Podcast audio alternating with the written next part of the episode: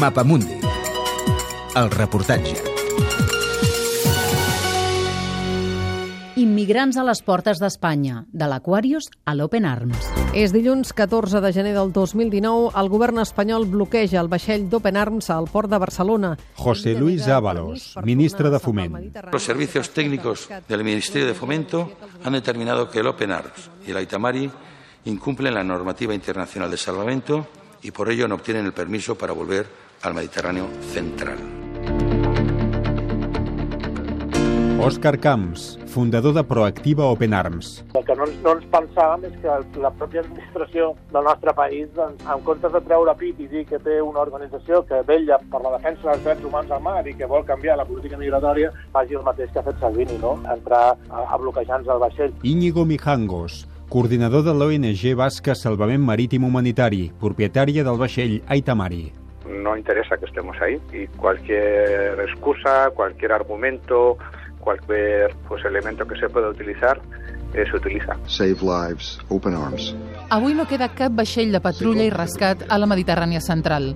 Després que el govern espanyol bloquegés l'Open Arms i l'Aitamari a Barcelona i Sant Sebastià, esgrimint motius tècnics i legals, el govern italià va fer el mateix a Catània, amb l'últim vaixell que quedava operatiu, l'alemany Sea-Watch 3. En la ment de molts encara està viva la imatge del vaixell Aquarius desembarcant 630 immigrants al port de València l'estiu passat, després de dies voltant pel mar. Estamos en el puerto de Valencia, son las seis y media de la mañana y tenemos detrás de nosotros el primer buque de la flota del Aquarius. De l'Aquarius al bloqueig.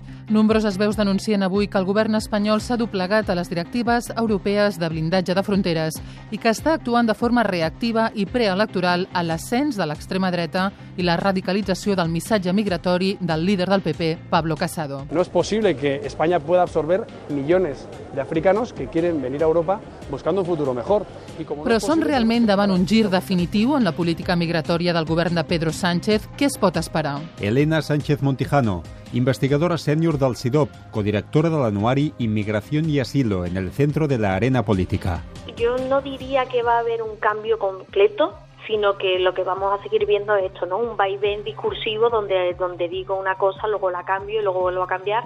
Y, y yo creo que por, por dos cuestiones principales. Por uno, a nivel doméstico, a nivel interno del, de cómo está el discurso ahora mismo en España con el tema con el tema migratorio, bueno, con el migratorio y con todos los demás, ¿no? Y por otro lado, a nivel de la Unión Europea, ¿no? En tot cas, no es tracta només del bloqueig de l'Open Arms i l'Aitamari.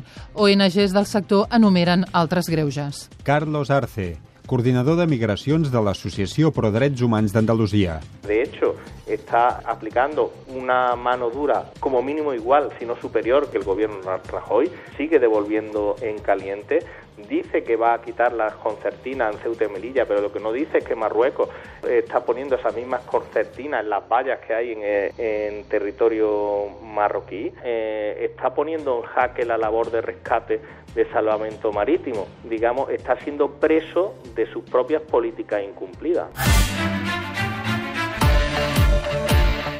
Efectivament, s'han encès les alarmes sobre el futur de salvament marítim, un cos civil de rescat d'embarcacions i nàufrags únic a Europa. El detonant està la decisió del Ministeri de Foment d'incorporar la Guàrdia Civil, el cos que controla les fronteres als vaixells de salvament marítim. Ismael Furió, treballador de salvament marítim, responsable de flota marítima del sindicat CGT. El hecho de que embarquen cuerpos de seguridad del Estado puede hacer cambiar las rutas de cruce a España por otras eh, donde no haya presencia de salvamento marítimo, donde no haya tanta presencia eh, de lanchas de, de Guardia Civil y esto evidentemente siempre supone rutas más largas, más peligrosas y que al final pues van a redundar en la seguridad de todos. De moment són tres agents de la Guàrdia Civil a la nau Clara Campoamor, la més gran, segons fons del Ministeri de manera puntual i per motius de seguretat. Simultàniament, des de principis de desembre, Salvament Marítim ha deixat de divulgar per Twitter les xifres de rescatats i ofegats. Foment argumenta que s'està redissenyant l'estratègia digital. Les ONGs parlen d'apagada informativa inexplicada i inexplicable. Davant aquestes acusacions, el ministre Ábalos defensava el compromís del govern del PSOE amb les seves obligacions de rescat i amb el Servei de Salvament Marítim SACEMAR en una compareixença al Congrés el 31 de gener. El Gobierno de España mantiene un compromiso decidido y firme por auxiliar a los inmigrantes que se encuentran en peligro en nuestras costas, en el que SACEMAR hace una función esencial que todos conocemos y valoramos y que, como saben, despliega una actividad importantísima en lo que es la frontera sur de Europa y donde se está canalizando toda la presión migratoria desde que se cerraron los corredores por el África Central. Y de eso se está haciendo cargo España. L'any passat van arribar a Espanya de forma irregular 65.000 immigrants, més del doble que el 2017 i el triple que altres països com Itàlia, segons l'Organització Internacional de Migracions. Més d'un miler van morir en l'intent, segons l'Associació de Drets Humans d'Andalusia.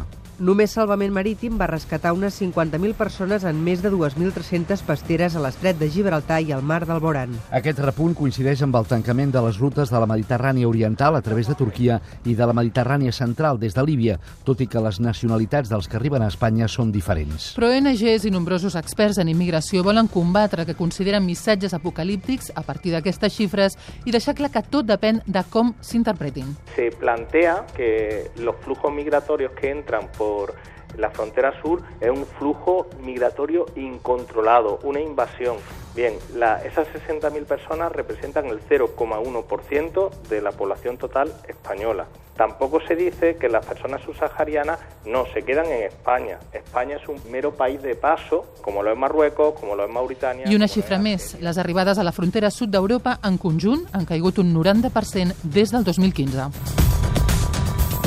És un reportatge de Cèlia Sarnades, amb el muntatge de Jordi Galbany. El teniu disponible al podcast del Mapamundi.